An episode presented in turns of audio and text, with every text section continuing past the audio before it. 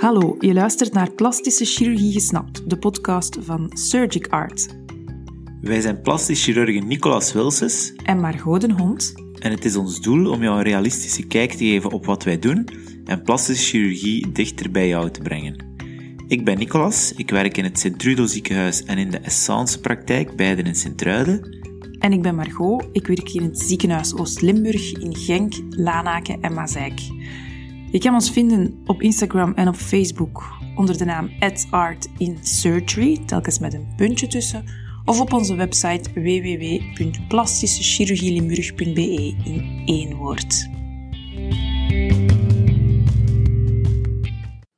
In onze rubriek Dokter, ik heb een vraag beantwoorden we een vraag die we regelmatig te horen krijgen.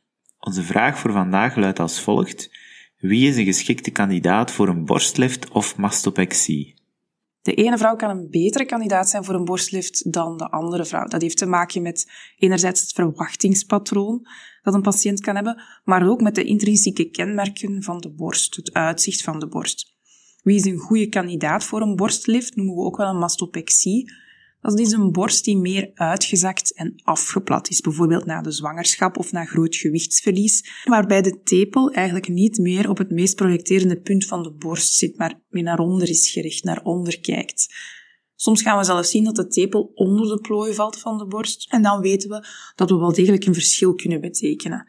En eventuele asymmetrie kan ook een vraagstelling zijn om die bij te stellen eventuele uitzetting van het tepelhof, de aanwezigheid van striemen. Natuurlijk met een borstlift, je gaat de weefsels meer aanspannen, maar striemen die aanwezig zijn, die gaan uiteraard aanwezig blijven. Je kan die niet doen verdwijnen. Wat zijn een aantal voorwaarden om een mastopexie te ondergaan? Je dient in goede algemene gezondheid te zijn. Dat is een esthetische operatie, dus die gaan we zeker niet in overweging nemen als iemand zijn gezondheid daar een risico voor vormt. Je hebt best geen geplande zwangerschappen in het vooruitzicht, want het gaat uiteraard een effect hebben op het resultaat. Patiënten mogen ook niet roken, want roken is zeer slecht voor de wondgenezing. En wat de indicatiestelling betreft gaan we ook altijd screenen waarom wens je een eventuele borstlift te ondergaan. Is dat enkel voor jezelf?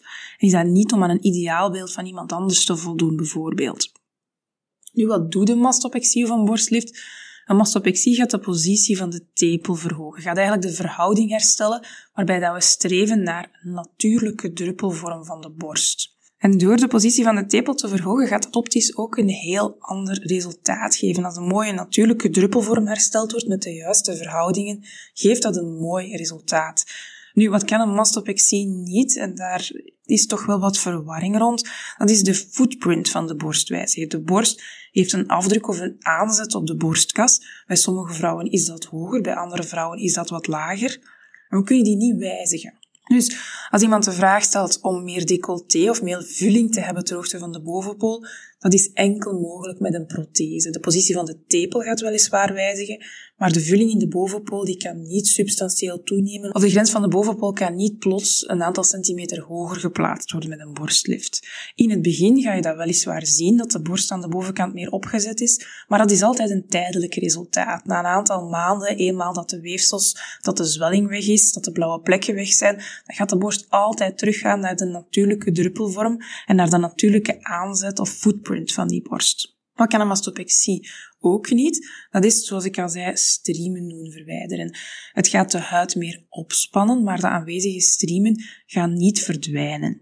Bij een borstlift of een mastopexie gaan we het volume van de borst niet wijzigen. Dus we gaan vaak de vraag stellen, ben je tevreden met het huidige volume van jouw borsten in jouw BH? Dus niet zozeer met de vorm, maar met het volume. Er gaan zelfs een paar tientallen gram weefsel verwijderd worden om het weefsel te herschikken. Nu, als de vraag expliciet wordt gesteld om ook een grotere borst te hebben, maar de positie van de tepel is dusdanig laag, dan dient er soms een combinatie te gebeuren van een borstlift met een borstvergroting. Dat is een vrij complexe operatie, in de zin dat dat eigenlijk tegengestelde krachten zijn, we dienen op te passen dat we een niet te grote prothese nemen, want die gaat uiteraard met de zwaartekracht de borst naar beneden willen brengen. Anderzijds willen we met een borstlift net de borstknier naar boven brengen. Vrouwen die specifiek de vraag stellen voor meer decolleté of meer vulling terug van de bovenkant, daar gaan we soms ook een combinatie met een kleine prothese uitvoeren. Je kan ook een combinatie doen van een borstlift met een lipofilling of een vulling met eigen vetweefsel om wat contouren bij te stellen, vormen bij te stellen of een discrete toename te geven van het globale volume. Nu, een lipofilling, dat is een, semi-vloeibare, een gel bijna, dat, dat vetweefsel.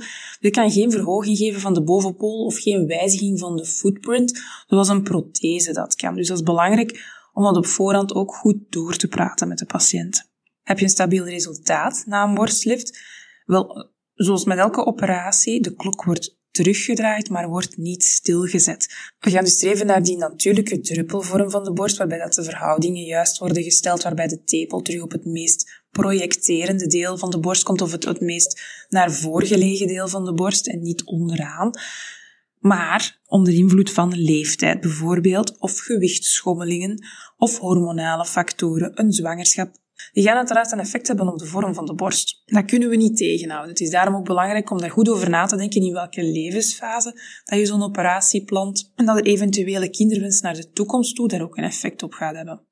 Nog, nog één ding dat ik misschien wil toevoegen, daar gaan we hier niet zozeer dieper op in, maar een operatie heeft uiteraard risico's. Elke operatie, van zodra we ons mes ergens inzetten, kunnen er bepaalde dingen mislopen. Dus ook wat dat betreft is het heel belangrijk dat je je goed informeert vooraleer dat je de beslissing neemt om tot zo'n operatie over te gaan. Want het is jouw lichaam, dus het is heel belangrijk om goed op de hoogte te zijn van wat er allemaal kan mislopen. Ziezo, hopelijk heb ik jou hier al wat mee op gang gezet. Als er vragen of onduidelijkheden zijn, aarzel niet om ons te contacteren. We zouden het ook heel fijn vinden als je meehelpt om deze boodschap te verspreiden, want zo kunnen we ons steentje bijdragen om beter te informeren. Dankjewel. Tot de volgende keer. Heb jij ook een vraag voor ons? We beantwoorden ze graag anoniem in onze podcast. Stuur ons jouw vraag via onze website, ons e-mailadres of onze social media. Deze vind je terug in de beschrijving onder deze aflevering. Tot volgende keer.